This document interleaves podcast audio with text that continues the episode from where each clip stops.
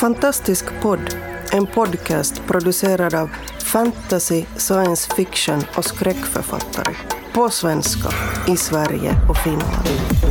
Vi snackar skriva, böcker, våndor och vändor i våra och andras världar.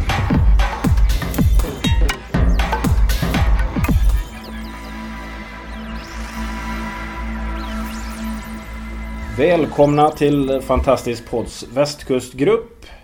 Det är Marcus som pratar och med mig har jag Paul. Fredrik. Liv och Susanna. och eh, vi ska prata lite böcker idag. Böcker som har kanske influerat oss eller på något sätt påverkat oss i vårt skrivande och i våra liv kanske till och med. Vad vet, Minst. vad vet jag? Eh, Jag själv har med mig egentligen två böcker fast eh, ursprungligen är det en bok. Men på 90-talet så hade ju svenska förlag ovanan att dela på utländska böcker till två. Och jag har med mig Robert Jordans Wheel of Time. Fast på svenska då. Farornas väg och Tidens hjul. Som de två första hette. Tjusiga böcker. Och de har eh, påverkat mitt skrivande väldigt mycket. Innan hade jag mest läst Tolkien och... Och Tolkien. Och, och sen Och- Tolkien. Och Tolkien och, och, och Eddings. Och Eddings gillade jag när jag var yngre men jag kanske växte ifrån Eddings. Eh, Robert Jordan kom nog lägligt när jag var i någonstans mitt i tonåren tror jag. Och eh, Ja, det var lite, lite annorlunda mot Tolkien för här var det plötsligt väldigt levande karaktärer som man kunde identifiera sig med. Eller åtminstone som jag kunde identifiera mig med. Mm. Och jag läste om lite grann här om kvällen bara för att friska upp minnet lite. Vi skulle prata om det här och det, det slog mig. För, för Robert Jordan han fick mycket kritik för sina kvinnoporträtt och så här. Vilket vi kan återkomma till. Men det som slog mig var hur tydligt man såg skillnad på hans karaktärer. Hur, hur väl utmejslade de var. På bara några sidor liksom. Hur han använde dialog och gestaltning för att särskilja dem. För det tycker jag ändå är ganska en vanlig grej som gör att jag har svårt att läsa citat episka böcker. För det är Mm. ofta väldigt många karaktärer. Och då har man svårt att skilja på dem. Och är så här, vem är det som pratar nu? Eller vem var den här karaktären som jag inte kommer ihåg? Och det krävs ganska mycket av författaren tror jag för att man ska kunna ja, men komma ihåg att just det, men den här karaktären det var den som hade den här inställningen. Eller liksom. Så det är jättebra. Ja precis. Och eh, där är väl Robert Jordan ett skräckexempel för jag, jag tror han landade på nästan 2000 karaktärer Uff. i sitt epos. Men den är väl jättelång också? För när jag läste den här, det är ju två böcker på svenska och den slutar på ett sätt som att det, det skulle kunna vara slut där. Jag trodde först att det var slut där fast det var lite så här rumphugget. Fan, så här kan det inte sluta. Men det var ändå ett slut. Mm. Eh, Sen fick jag reda på att serien fortsatte och fortsatte och fortsatte. Och jag tror det blev 15 böcker till slut. På engelska då. Så det har motsvarat 30 på svenska. Han, är- Ja, 14 blev det. 14 kanske det. ja. Han inte han typ dö på vägen så det Jo. var någon annan Jo. som avslutade. Det var Brandon Sanderson som skrev de tre sista och de översattes aldrig till svenska heller. Nej. Okej. Jag tror de slutade innan där också.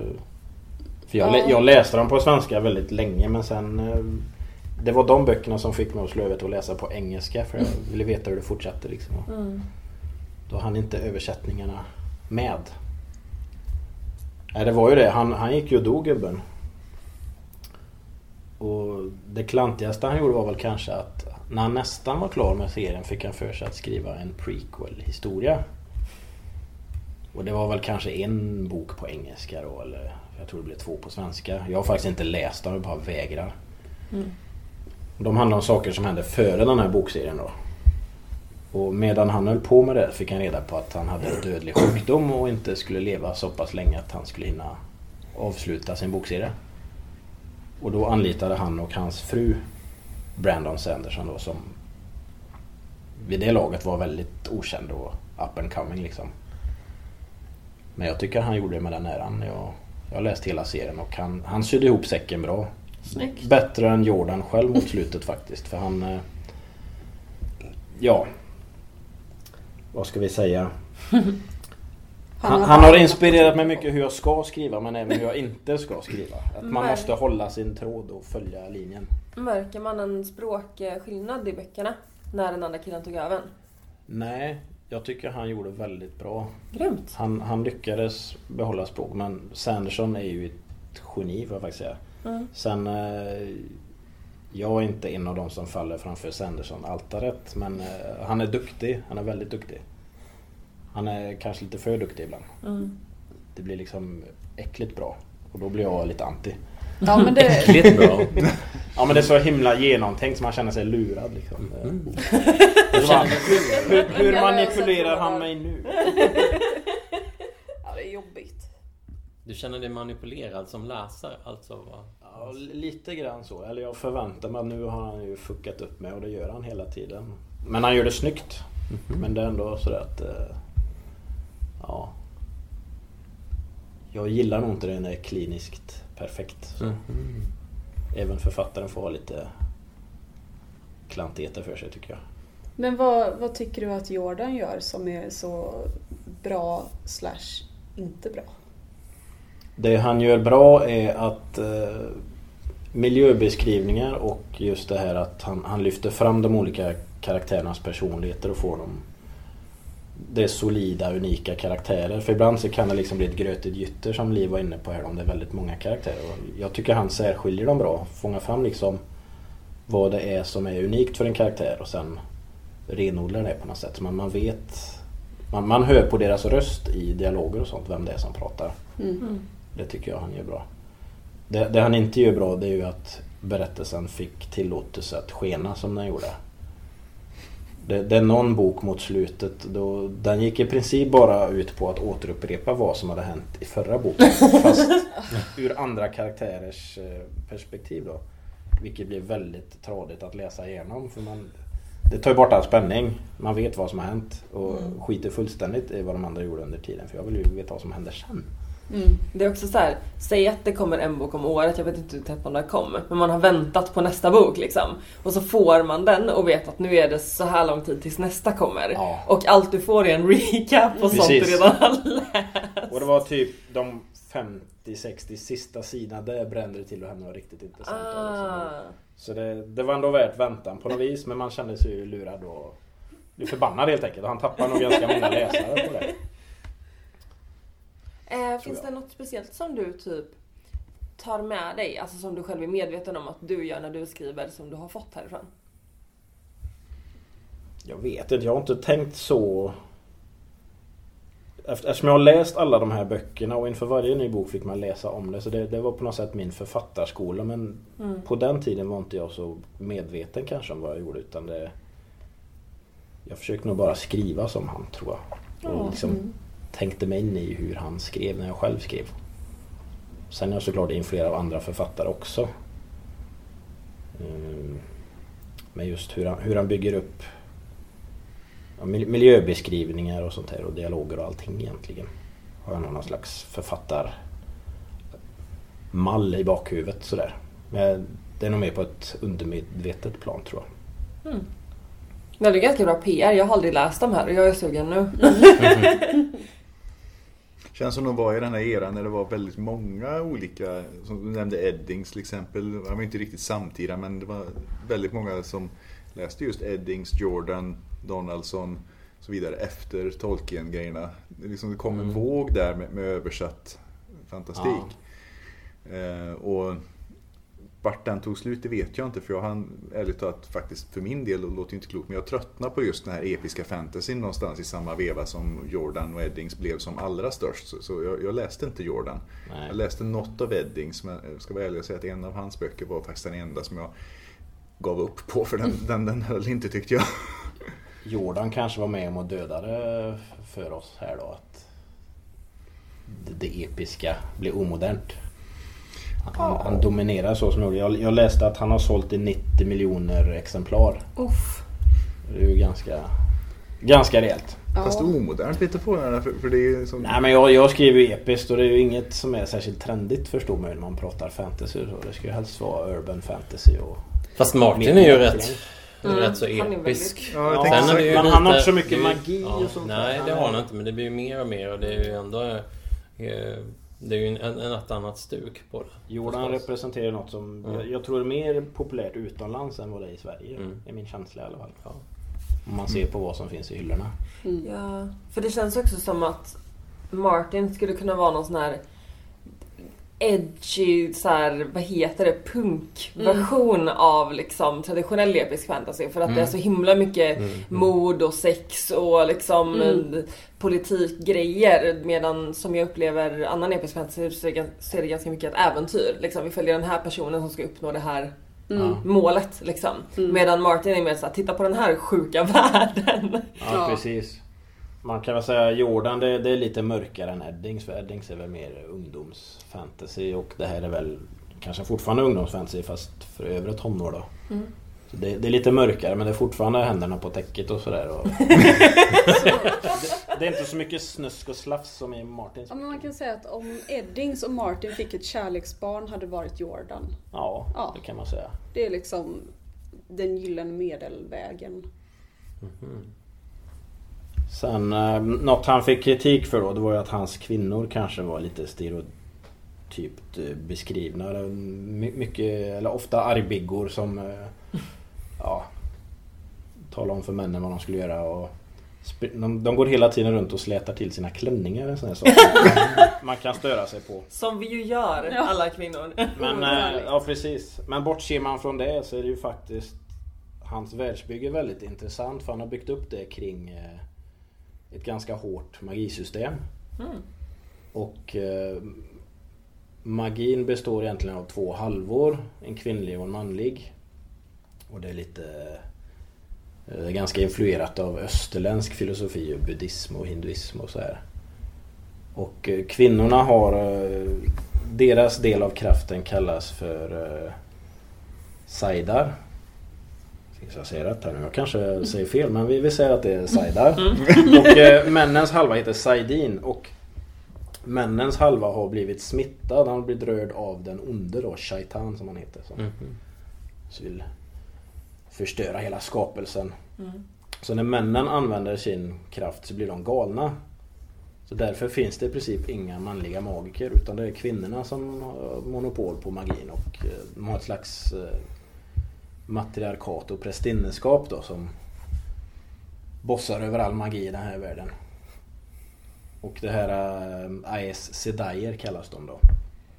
Och de har, eh, de har delat upp sin magi i olika färger beroende på olika egenskaper. Så det finns till exempel de som håller på med healing, de har eh, gul färg och det finns en mer militant gren som har röd färg och de, eh, i, I princip det de gör det är att ge sig ut och leta efter manliga magiker och fängsla dem. Och typ ta bort deras förmåga att använda kraften. För män, de är mer de är mer kraftfulla i sin magi kanske. De kan göra större saker. Men de förstör desto mer eftersom de blir galna allihopa. Då. Ja. Så de vill, de vill begränsa det där. Mm. Och när bokserien börjar då så får man följa en ung kille som heter Rand Altor. Och eh, han bor i en byhåla ute på vischan som, som sig bör. Det är ju ganska traditionell fantasy på det sättet att det är Heroes eh, Journey liksom. Och föräldralös pojke mer eller mindre. Fast han är inte föräldralös, han har en pappa här då. Mhm. Eh, Men då kommer det främlingar till byn i alla fall. Och eh, en av dem är en sån här Aes Sedai som är ute och letar efter någon speciell pojke då. Så. Kanske har magiska krafter. And it goes south from there. Ooh. Vill ni veta hur det fortsätter? Då får ni läsa boken.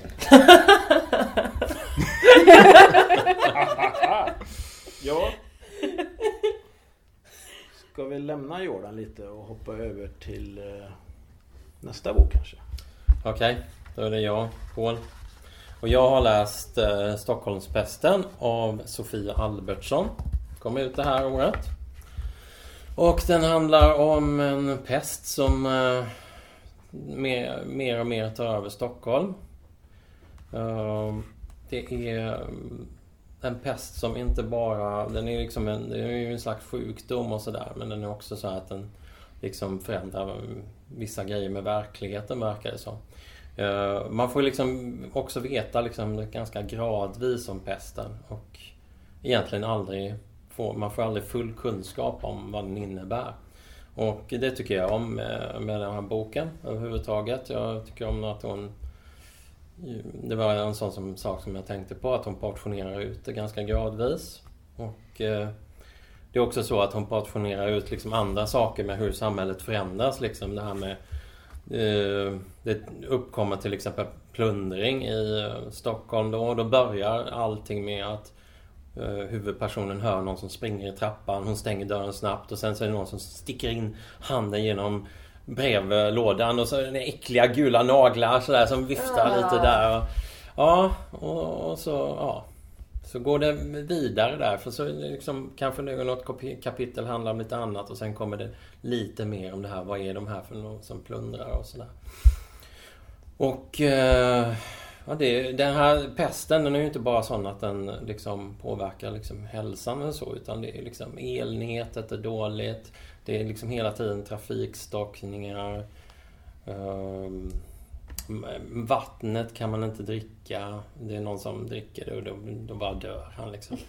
Han försöker köra det genom, just det, de dricker så här mycket så här köpt vatten med liksom kolsyra. Då kör han liksom givetvis så här typiskt smart liksom. Ja men jag har en kolsyramaskin. Jag lägger vanligt äckligt vatten där och kolsyra skiter. Och sen dricker jag. Det är jättebra. Sen dör jag.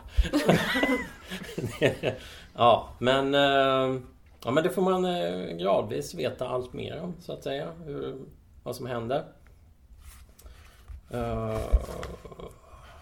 det är ju också...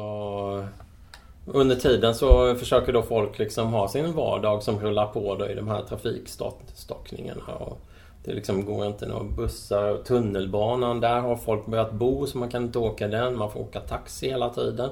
Så alla pengar går dit. Eh, mycket taxiprat. Eller prat i taxi med taxichaufförer. Så. Och så alltså, civilisationen gröps ur liksom mer och mer hela tiden. Det här ordnade samhället blir liksom ett skal till slut. Där tycker jag också att hon är bra att hon, eh, Sofia då, att hon... eh, Det är ändå rätt så eh, liksom nyanserat så här. Att folk blir inte liksom helt... Blir liksom inte vilddjur och rovdjur bara för att liksom samhället börjar braka samman. Utan det är ju många som försöker liksom vara lite schyssta och sådär. Och de kanske festar lite extra och sånt där. Men, ja, så som man har sett, det är ju liksom inte sådär förenklat att man blir det ena eller det andra. Utan det kan vara lite olika. Folk kan ju bli mer solidariska och allting av det. Ja, men det är tufft och hårt i alla fall. Och... Ehm, eh, det är också lite roligt just det här att pesten... Eh, jag kommer tänka på det här med digerdöden. Man får ju aldrig... Eller man får liksom veta lite mer och lite mer. Men det är också så jag kommer tänka på det här med att under medeltiden då att de undrade liksom hur den här pesten, var den kom ifrån. De trodde att den spreds via blickar och att det var dunster och att det var djävulen och att det var Gud eller någonting annat. Och precis som, eh, precis som i den här boken att man, man får inte veta, veta riktigt liksom vad det är. Liksom. Mm förrän lite mot slutet då liksom. Eh, då får man liksom mer en sammanhållen förklaring. Men det är fortfarande saker som man inte känner till. Så Men är den här pesten bara i Stockholm? den är i princip bara i Stockholm. Den är Ah, väl det större. känns Några andra jag. stora städer och sånt där också. Men det är mest i Stockholm sådär. Mm. Den försvinner nästan när man kommer ut ibland så verkar det så. Kan Och ändå är folk kvar. Ja men det, det, de ger ju sig av en hel del. Så den här Elin hon bor ju i ett hus som liksom där det är min, mindre och mindre människor. Och det är också sådär isolering liksom. Eh, sen till slut försöker hon ge sig av men då är det... Då är det liksom... Eh, då har de spärrat av Stockholm så att säga. Och eh, Sofia är ju bra på det här med äckel. Så det hade jag ju förväntningar på att det skulle vara mycket. Jag har ju läst den här De överflödiga som kom eh, från Es- Escapix, tre skräcknoveller. En lite tunnare bok eh, där hon, hon är väldigt förtjust i att skriva om sådana här medicinska eh, experiment på människor och ja, mycket våld och mycket blod, en hel del sex och sånt där. som är äckligt. Skräckel. Ja precis. Det är jä- jävligt härligt den, de överflödiga. Det är inte riktigt på samma sätt i Stockholms bästa men å andra sidan där, här här har du mer som en roman som verkligen Det byggs upp hela tiden och sen Det kommer äckliga saker också sådär och, och hemska grejer men de, de kommer liksom mer och mer och framförallt mot slutet och sådär. Eh, det är bland annat en sak som också visar hur det här konstiga med pesten eh, utan att spoila för mycket. Det är liksom ett sjukhus till exempel. Så ska hon liksom käka någon Ja, någon jävla tårta eller någonting med någon kompis som jobbar på det här sjukhuset. Så går de in, ska ta hissen ner till något, något sånt där eh, ja, källarutrymme där de kan sitta i fred och ingen ska kunna störa dem. Så märker de att det har, ja, hissknapparna, då är det liksom 60, 70, 80 sådär liksom. Vad är det här? De har satt fel knappar eller någonting. Sen åker de och de tycker att det här går ju väldigt, lång, väldigt långt ner. Eller det tar väldigt lång tid i alla fall. Så kommer de ner och det ser helt annorlunda ut där och de, folk gör konstiga saker där. Säger inte vad. Ja, så... eh, Ja, men det... Ovanligt. Ja, precis. Och det är liksom så här att också att eh, pesten förändrar hur folk beter sig och... Ja, det är en massa fina grejer i den här boken och sånt. Och för oss på västkusten så är det alltid gött att se Stockholm. Ja. Helvete liksom. Ja, men det är klart. Det var ju det initiala, men vad bra. Stockholm drabbas av pest. Ja, men det är väl jättefint. Hipsterpest kanske. Ja. Jag tycker alltid att det verkar så himla coolt när folk skriver apokalyptiska scenarion. För det här är ju, även om det är lokalt så är det ju apokalyptiskt på något Ja, sätt. För att folk dör och flyr och så. Ehm, jag har velat skriva sånt själv och jag har idéer på sånt själv. Men jag backar alltid för att jag inser att jag måste tänka på alla nivåer, precis det du beskrev. Vad händer med elen? Vad händer med telefonnätet? Vad händer med tunnelbanan? Alltså så här, det, det blir på en sån nivå som man själv känner när man läser något bra. Att så här, wow att de tänkte på hur det här påverkas, vad immersive det är liksom. Eh, som jag själv kan tycka är jätte, jättesvårt. Eh, så jag är verkligen sugen på att läsa den också. Jo, men jag tycker hon eh, lyckas bra med det. Så, och hon tar ju det som sagt gradvis. Det är väl så man får göra också. Ja det är väl ett bra Man, sätt att få eh, med sig ja. läsaren för att den som läser sitter ju i sin normala vardag och så får den följa med. Så.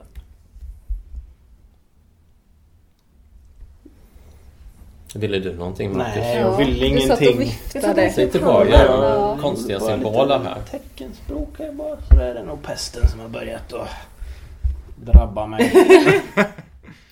ja, vet du om hon har något? Den kom i år va? Ja, precis. Det är ganska bara några månader sedan. Ja. Swedish Zombie. Ja, Men då är det det här gradvisa krypande som, som är liksom det spännande i den då? Eller vad, vad, vad är den stora takeaway? Ja, jag tycker ju det, jag tycker det är det här att hon har gjort det bra. Att det, det är gradvis. Det upprätthåller spänningen också. Det är rätt mycket att typ hu- huvudpersonen Elin åker till och från och tillbaka till sitt jobb och blir ihop med sin Martin som hon blir lite kär i som jobbar på samma ställe. Och, och så, ja, så har de det lite bra, eller försöker ha det bra, men det blir värre och värre. Så det är ju en sån uppbyggnad. Och sen kommer ju de här riktigt äckliga grejerna också som som jag, äntligen, som jag hoppades på då. Ja, men de är fina.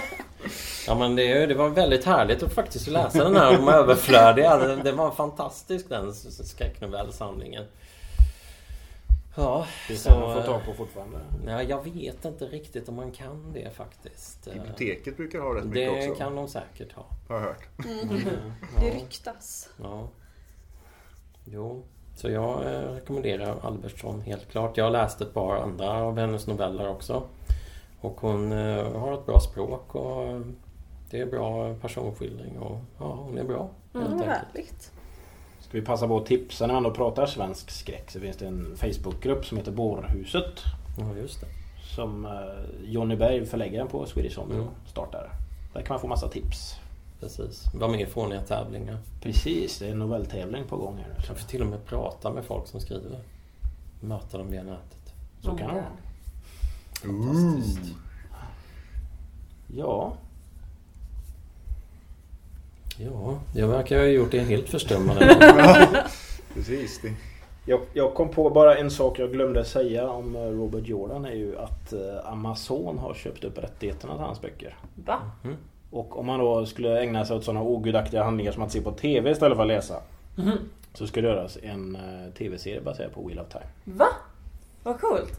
De, Ja. De räknar väl med att det ska bli nästa Game of Thrones typ. Jo. Men, eh, Ja. Vi får väl se hur de lyckas med det. Minst Och med tanke på 14 hur många böcker det är så borde de ju rimligen kunna följa... Ja precis. Ja, Susanna sa det precis, minst 14 säsonger. Ja. Ja, det är ju det. Fördelen är att det är en avslutad serie. Ja, vad skönt. Men eh, ja, jag hoppas de komprimerar den något. Annars hinner skådisarna dö.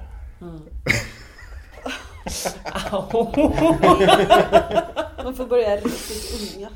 Ett avsnitt, ett avsnitt per bok. Ja. Precis. Men det kanske blir en första serie med digitala skådisar. Liksom. Ja, de lyckades ju ändå någorlunda i Star Wars. Ja. Ja, Men jag tyckte Om man kisar så tänker man inte på det. Ja, man får kisa mycket. Det är fördelen med en bok. Där ser de likadant ut. Texten är lika svårläst eller lättläst oavsett hur mycket man kisar. Det, uppenbarligen, det är bara man själv som åldras. Ja, uppenbarligen kan man byta författare i samma serie utan att det märks också. Så Ja. Ja, det är ju en tröst. Eller jag vet inte. Ja, det var dagens två boktips. Nina, Och jag nina, hoppas nina. eh, vi har väckt lite intresse hos er lyssnare där ute. Säger vi tack. Tack från oss på västkusten. Tack! Hejdå. Hejdå! Kör försiktigt. Du har lyssnat på Fantastisk podd. Om du trivdes i vårt fantastiska poddsällskap och vill ha mer så hittar du äldre poddar och information om oss som deltar på vår hemsida under fantastiskpodd.se och på vår Facebook-sida Fantastisk podd. Har du frågor eller förslag på vad du tycker att vi ska tala om, hör gärna av dig antingen på Facebook eller via kommentarer på hemsidan. Vi hörs!